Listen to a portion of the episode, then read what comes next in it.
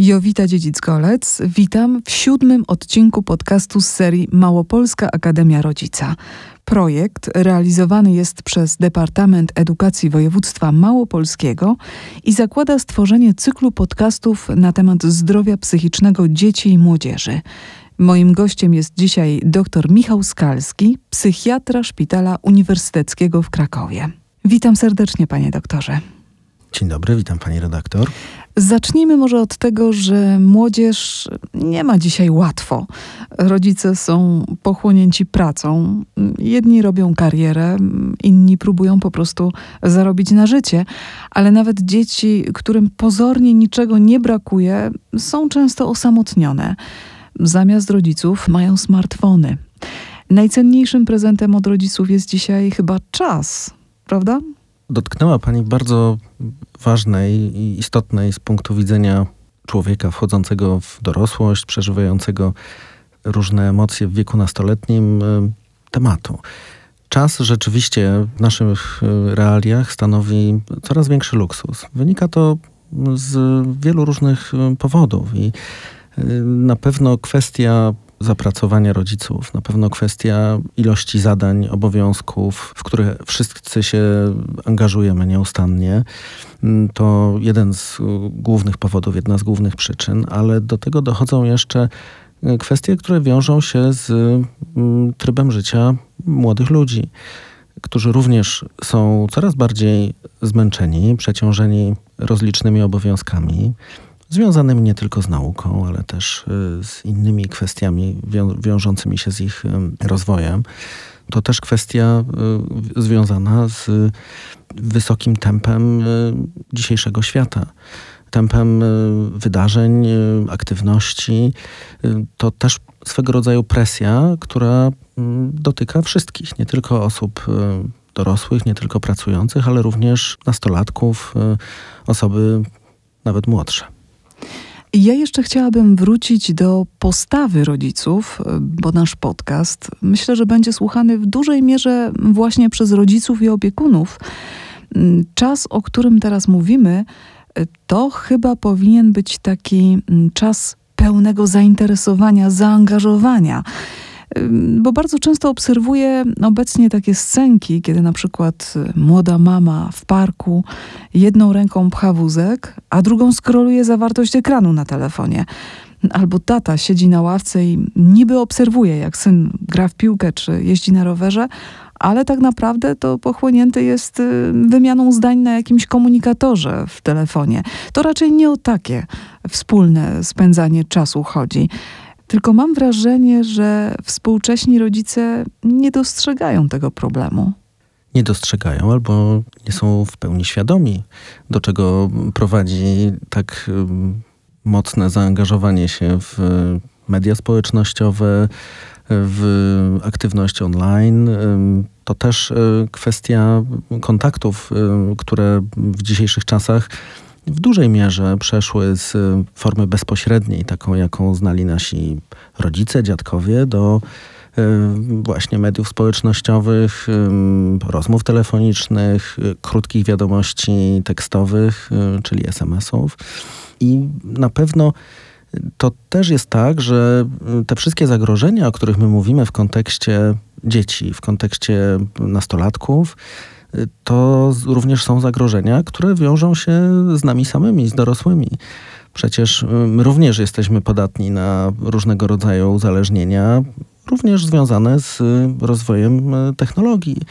I moja praktyka, codzienna praktyka lekarska pokazuje, że jest to zjawisko częste, nie tylko wśród osób w wieku rozwojowym, ale również wśród dorosłych. I myślę, że pewne zdrowe granice, które mm, są potrzebne tak naprawdę we wszystkich y, sferach naszej codziennej aktywności, również y, powinniśmy przykładać do, do aktywności w mediach społecznościowych, do korzystania z y, internetu, mm, do odbywania wideokonferencji, czyli do tych wszystkich rzeczy, w których współczesna technologia w sposób sprawny, ale równocześnie w sposób niepostrzeżenie zabierający nam y, ważny czas na kontakty bezpośrednie, bierze udział.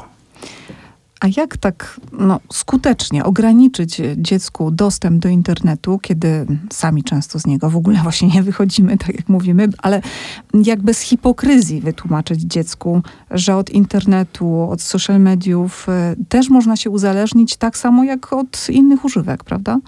Oczywiście, że tak. Mm, są uzależnienia związane z y, substancjami psychoaktywnymi, takimi jak alkohol, y, narkotyki, y, nikotyna, ale również mamy do czynienia z coraz częstszym uzależnieniem behawioralnym od różnych czynności, które wykonujemy na co dzień, do których się przyzwyczajamy, które w pierwszym okresie korzystania z nich e, wydają się nam czymś e, ułatwiającym życie, czymś, czymś oczywistym, a później niestety mm, przekraczamy tę granicę, za którą e, jest pewien przymus i różne trudności związane z innymi sferami życia, które przez korzystanie z tych technologii są zaniedbywane. Myślę, mm, że w przypadku dzieci mm, najistotniejszy jest jednak pewien e, model funkcjonowania w domu rodzinnym.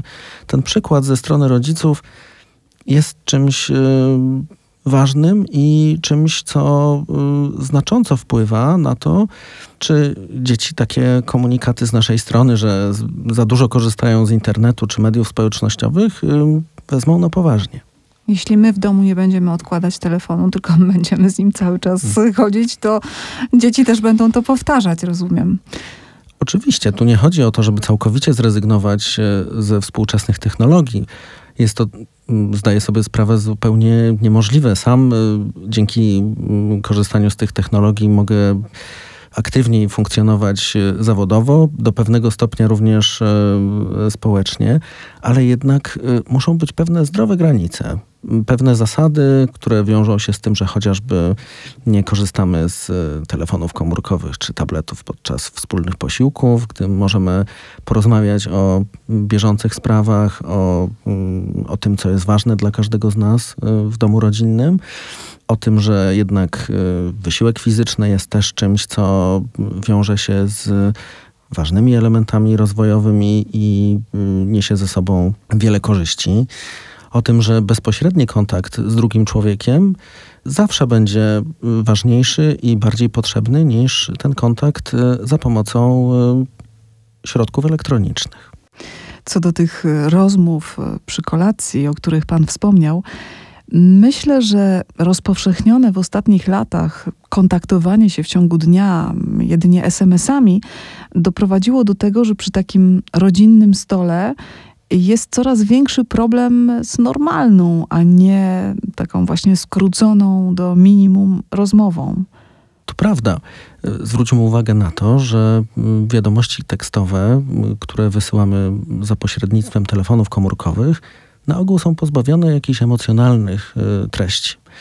Są to suche, krótkie stwierdzenia, potwierdzenia, zaprzeczenia, bardzo konkretne pytania, konkretne odpowiedzi Mm, ale brakuje w tym tego, co jest y, kwintesencją kontaktu z drugim człowiekiem, czyli również pewnej wymiany reakcji emocjonalnych. Y, ja wiem, że są emotikonki. Tak, ale one są bardzo zdradliwe. Y, to już wielokrotnie sama się o tym przekonałam, że nie oddają w ogóle prawdziwych emocji. Człowiek może się naprawdę nabrać na to, jakie emocje są po drugiej stronie. Tak. Były prowadzone badania nad mediami społecznościowymi wśród e, studentów uniwersytetów e, w Ameryce Południowej, które pokazały, że w przypadku korzystania z mediów społecznościowych, które niosły za sobą pewien rodzaj kontaktu emocjonalnego, pewnego rodzaju zaangażowanie, chociażby w jakieś ważne społecznie kwestie, ten wpływ y, korzystania z takich mediów y, był neutralny bądź, bądź nawet pozytywny dla, y, dla osób, które to robiły. Natomiast wtedy, gdy mamy do czynienia jedynie z takim ocennym spojrzeniem na rzeczywistość, z promowaniem takiego, a nie innego ideału urody, wartości stricte materialnych, merkantylnych, ten wpływ był negatywny i odbijał się w taki właśnie negatywny sposób na stanie zdrowia, na psychicznym stanie zdrowia y, osób, które korzystały z tego typu mediów. Jeśli już poruszyliśmy też temat uzależnień, e, panie doktorze, co jest najczęstszą przyczyną popadania dzieci i młodzieży właśnie w uzależnienia? Uzależnienia od e, środków odurzających, od narkotyków? Myślę, że to jest bardzo heterogenna grupa przyczyn. I zapewne dla każdego młodego człowieka, który boryka się z problemem uzależnienia, te czynniki będą się e, różnić. Natomiast e, nie możemy zapominać, że e, ten wiek wchodzenia w dorosłość bardzo często jest wiekiem eksperymentowania, poznawania nowych rzeczy. I tak zapewne będzie. Tak było lat temu kilkadziesiąt. Inne używki wtedy były mm, częściej wybierane przez, przez młodych ludzi. I tak będzie zapewne w przyszłości. Poza tymi kwestiami związanymi z eksperymentowaniem, na pewno ważne jest to, że uzależnienie pojawia się wtedy, kiedy z jakiegoś powodu e, funkcjonowanie w rzeczywistości jest dla młodej osoby trudne, bolesne, e, kiedy próbuje od tej rzeczywistości w jakiś sposób uciec. A Często jest tak, że substancje psychoaktywne są taką drogą na skróty. Bardzo szybko potrafią zmienić stan świadomości, sposób myślenia. Niestety dzieje się to również y, taki sposób, y, który bardzo mocno obciąża młody organizm i wpływa negatywnie na psychikę, na rozwój. I, mm, i to na pewno y, kwestia uciekania od, y, od tej codzienności, co związane jest często z trudnymi mm, relacjami rodzinnymi, z brakiem akceptacji w grupie rówieśniczej, z problemami szkolnymi, z brakiem akceptacji siebie, swojego ciała, swojego wyglądu. Czyli na przykład niska samoocena u młodych młodych ludzi ma z tym związek, y, z podatnością na uzależnienia? Oczywiście, pani redaktor. Ma bardzo duży wpływ y, na ryzyko rozwoju uzależnienia. W takim razie, jak skutecznie moglibyśmy pomóc naszym dzieciom w podniesieniu tej samooceny? Tak, samoocena jest niezwykle ważna. Istotne jest to, żeby ona była adekwatna, żeby nie była ani mm, nieadekwatnie obniżona, ani nadmiernie mm, podwyższona, bo w jednym i w drugim przypadku będzie to prowadzić do różnych y, bolesnych konfrontacji z rzeczywistością, które będą y, dla młodego człowieka mm, czymś y, destruktywnym. I myślę sobie tak, że na pewno kluczowe w tym wszystkim jest stworzenie takiej atmosfery, w której mm, można w sposób otwarty y, i nieocenny rozmawiać o różnych y, kwestiach, y, które są ważne dla nas, dla naszych dzieci. I to, że taka przestrzeń się pojawia i taka gotowość na to, żeby wzajemnie się spróbować zrozumieć i wysłuchać, jest czymś szalenie istotnym. Bardzo często jest tak, że te różnice mm, międzypokoleniowe powodują trudności w, we wzajemnym zrozumieniu.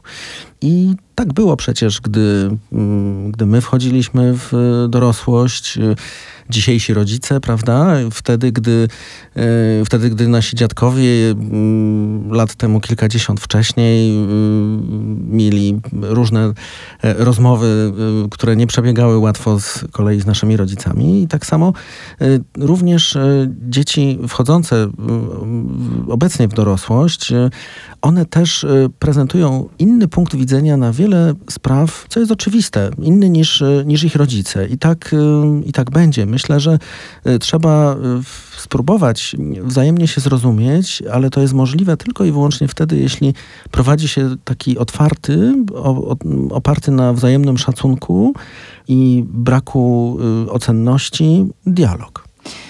Rozmowa jest zawsze dobra, tutaj nie mam wątpliwości, zawsze jest przydatna, ale przecież dzieci, szczególnie nastolatkowie, potrafią się tak no, skutecznie maskować, udawać, że wszystko jest y, w jak najlepszym porządku. Jak w takiej sytuacji rozpoznać, że są problemy? Tak, to jest niezwykle trudne y, zagadnienie. Rzecz, którą pani y, poruszyła, wiąże się chociażby z objawami depresji u młodych ludzi która w przypadku młodszych y, dzieci mm, w wieku przedszkolnym, w pierwszych klasach szkoły podstawowej będzie głównie mm, manifestowała się y, objawami fizycznymi, somatycznymi, bólami brzucha, głowy, y, zaburzeniami snu, niechęcią do mm, chodzenia do szkoły, ale nie będzie to coś, co mm, w przypadku rodziców będzie od razu dawało do myślenia, że to problem jakiś y, występuje, który wiąże się właśnie z obniżeniem nastroju. Z kolei mm, u nastolatków, u osób wchodzących w dorosłość, bardzo często y, mogą występować y, właśnie uzależnienia, nadużywanie substancji psychoaktywnych. Bardzo często może to być również taki cały, cały przekrój zachowań opozycyjno-buntowniczych, y, duży poziom y, negatywnych emocji, ale też wycofywanie się z y, tych właśnie aktywności, które do tej pory sprawiały nastolatkom przyjemność, które były dla nich ważne, potrzebne. To oczywiście również będzie się odbijało na jakimś etapie też na osiąganych wynikach w szkole, ale Chciałbym tutaj podkreślić, że nie to jest najistotniejsze, bo bardzo często jest tak, że rodzice koncentrują się wtedy na, mm, na problemach dziecka, gdy mm, spadają oceny. Tak, gdy spadają oceny, bo przecież najważniejsze jest, żeby ktoś się dobrze uczył, miał same piątki, y, dobrze zdał maturę, poszedł na dobre studia i tak dalej, i tak dalej. Ale zaniedbujemy w ten sposób. Drugi ważny element, a mianowicie taki prawidłowy rozwój psychiki człowieka, który wiąże się z z różnymi trudnościami doświadczanymi właśnie w tym okresie mm, wchodzenia w dorosłość, bo to przecież trochę tak jak taki okręt, który wypływa z bezpiecznego e, portu i musi przez różne mm, niesprzyjające warunki, przez różne rafy przejść, żeby, e, żeby móc bezpiecznie dalej pożeglować. I e, często jest tak, że niestety te kwestie są gdzieś pomijane z powodu właśnie tego zagonienia codziennego, nadmiaru obowiązków, y, zmęczenia, frustracji y, rodziców, ale też braku świadomości. To bardzo ważny jest właśnie ten model wspólnego spędzania czasu i pomimo tego, że wszyscy jesteśmy mm, czymś zajęci w dzisiejszych czasach, żeby jednak y, w sposób aktywny planować ten wspólny czas i dawać sobie tą przestrzeń na rozmowy o, o rzeczach, które również wiążą się z emocjami, z stanem ducha naszego, y, naszych dzieci i myślę, że to jest y, konieczne. Poruszył Pan tutaj problem ocen. Rzeczywiście pogorszenie ocen często jest dla rodziców y, takim sygnałem ostrzegawczym. Tylko, że najczęściej rodzice starają się wtedy zmobilizować dzieci do ich poprawy, nie zauważając tego drugiego dna. Poza tym równolegle są przecież sytuacje, kiedy dziecko ma same piątki, więc rodzic niczego nie podejrzewa. A potem są wyrzuty sumienia. Ale przecież świetnie się uczyła, uczył. Nic nie wskazywało na to, że dzieje się coś złego. Tak, czasami niestety takie refleksje przychodzą późno, bądź wręcz mm, musimy to niestety powiedzieć za późno, ponieważ narastającym problemem od pewnego czasu są chociażby próby samobójcze, samobójstwa dokonane wśród y, młodych ludzi, to niestety często są y, osoby zdolne, wrażliwe, które y, osiągały, tak jak pani wspomniała, dobre wyniki w nauce, nic nie zapowiadało tego, co się wydarzyło pozornie, bo pewnie gdyby była taka możliwość, żeby ten kontakt nawiązać bliższy, bardziej otwarty, to okazałoby się, że jednak nie wszystko rozwija się w psychice w sposób harmonijny i że występują pewne trudności, którymi trzeba się pilnie zająć. Bulimia, anoreksja. E, skąd się biorą te choroby? Czy jako rodzice, opiekunowie możemy jakoś zapobiec takim zaburzeniom odżywiania? Czy na przykład wczesne przyzwyczajenia żywieniowe e, naszych dzieci mogą mieć jakiś wpływ na to, że dziecko zachoruje na anoreksję albo bulimię? Jeśli chodzi o rozwój e, zaburzeń jedzenia, takich jak e, anoreksja i bulimia, tych czynników prowadzących do, e, do rozwoju tych zaburzeń znowu jest całkiem dużo i są, są one mm, znowu taką heterogenną grupą. Na pewno kwestia genetyki ma pewne znaczenie i czynności hormonalnych, które jednak są związane już z indywidualnym rozwojem każdego organizmu i na nie nie zawsze, albo raczej mamy bardzo ograniczony wpływ. Na pewno kwestia, która wiąże się z, z rozwojem psychicznym, z akceptacją siebie, własnego ciała, z właśnie z poczuciem własnej atrakcyjności bądź brakiem tej atrakcyjności.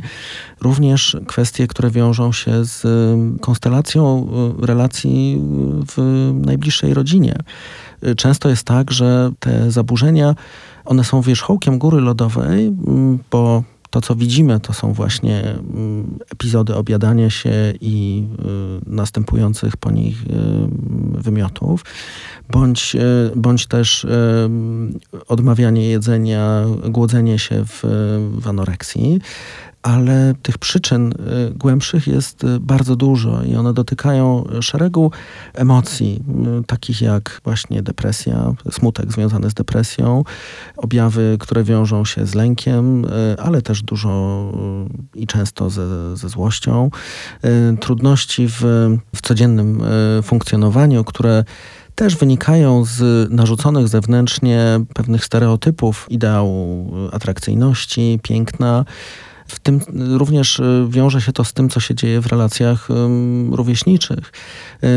Nieraz y, pracując y, z osobą dotkniętą anoreksją, słyszałem o takich bardzo konkretnych słowach, zdaniach, które usłyszały od innych osób, które właśnie wiązały się z, z pewną negatywną oceną ich, ich ciała i to mogło być e, zarówno ze strony kogoś bliskiego, ale, ale też e, rówieśników. I, i często mm, to jest jakiś taki czynnik spustowy, który, mm, który powoduje, że właśnie w tym czasie te zaburzenia się rozwijają. Zdarza się też tak, że, mm, że już w rodzinie y, osoby, która y, choruje, y, wcześniej ktoś, na przykład matka, chorowała na zaburzenia jedzenia i jednak pewne mechanizmy chorobowe w tym y, odżywianiu się również y, przetrwały, mm, pomimo tego, że minęło wiele lat od tej aktywnej y, fazy choroby. I to również może mieć, mieć wpływ na, na prawidłowy rozwój dziecka i, i na to, że mogą wystąpić takie objawy. To są choroby, które jeśli zauważymy ich objawy, to rozumiem, że powinniśmy od razu szukać pomocy u specjalisty, nie próbować samemu rozwiązać tego problemu.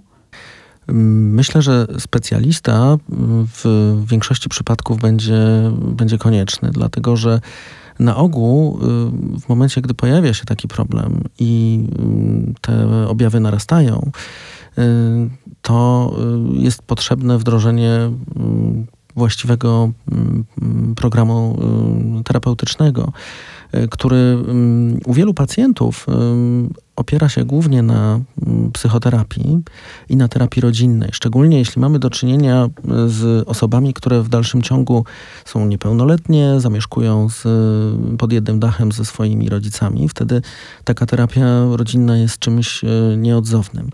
Natomiast e, w przypadku, gdy dochodzi do poważnych e, powikłań zdrowotnych, a przecież w anoreksji wcale o to nie trudno, e, jednym z kryteriów jest znacznego stopnia niedowaga i u dziewczynek zaburzenia czynności hormonalnych to bardzo często prowadzi do zagrażających zdrowiu i życiu powikłań, które wymagają również leczenia e, i to nie tylko psychiatrycznego, mm, ale również e, leczenia mm, opartego na, na medycynie somatycznej. Bardzo często mm, pacjenci, którzy doświadczają nasilonych objawów wyniszczenia, wymagają w pierwszej kolejności przyjęcia do oddziału chorób wewnętrznych, do oddziału endokrynologicznego i dopiero tam, gdy zostanie zażegnane bezpośrednie zagrożenie życia, stamtąd są kierowani do mm, leczenia psychiatrycznego. Oczywiście psychiatrzy uczestniczą w tym leczeniu, konsultują tych pacjentów, gdy oni przebywają w oddziałach y, internistycznych, ale ten pierwszy mm, krok, y, ratujący życie, bardzo często ratujący życie, musi zostać y, wykonany właśnie tam w warunkach, gdzie możemy udzielić pomocy mm, somatycznej. Panie doktorze, pandemia się skończyła, ale jej bardzo negatywne skutki, również właśnie te psychiczne, pozostały. Młodzież szczególnie ciężko przeszła ten okres izolacji. Wiele było zapewne przypadków w tym czasie największych obostrzeń, kiedy młodzi ludzie zdmuchiwali na tortach na przykład 18 świeczek, ale w towarzystwie tylko rodziców, bez swojej dziewczyny, bez swojego chłopaka, bez przyjaciół. To są takie przeżycia, które chyba nie pozostają bez echa, szczególnie jeśli chodzi o młodych ludzi. Ma pani rację. My to widzimy na co dzień e, pracując e, w szpitalach, e, w poradniach zdrowia psychicznego, w gabinetach psychoterapeutycznych. Niestety w przypadku młodych ludzi izolacja od grupy rówieśniczej w tym ważnym rozwojowym okresie jest czynnikiem działającym niezwykle destruktywnie na stan psychiczny. Ten destruktywny wpływ y, uwidacznia się nie tylko w okresie tej izolacji, ale co pokazują wyniki przeprowadzonych y, na ten temat badań, one również y, mają negatywny wpływ przez niejednokrotnie kilka, kilkanaście lat już po, po ustaniu tego właśnie stanu odizolowania od, od grupy rówieśniczej. Czyli niestety rośnie nam pokolenie z problemami po pandemicznej izolacji. Tak, e, niewątpliwie jednym z e, istotnych e, wniosków z pandemii COVID-19 jest to, że doprowadziła ona do pogorszenia się w znacznym stopniu stanu psychicznego osób młodych. Panie doktorze, dziękuję za wyczerpujące odpowiedzi. Choć to nie koniec pytań do pana, ale reszta już w kolejnym odcinku. Dziękuję. Dziękuję bardzo. To był siódmy odcinek podcastu z serii Małopolska Akademia Rodzica, projektu realizowanego przez Departament Edukacji Województwa Małopolskiego. Moim gościem był dr Michał Skalski, psychiatra Szpitala Uniwersyteckiego w Krakowie. Już teraz zapraszam na kolejne spotkanie z panem doktorem. Będziemy rozmawiać na bardzo trudne tematy. Między innymi, jak się zachować, jeśli dowiadujemy się, że ktoś ma myśli samobójcze. Dziękuję za uwagę i do usłyszenia. Kampania finansowana ze środków województwa małopolskiego.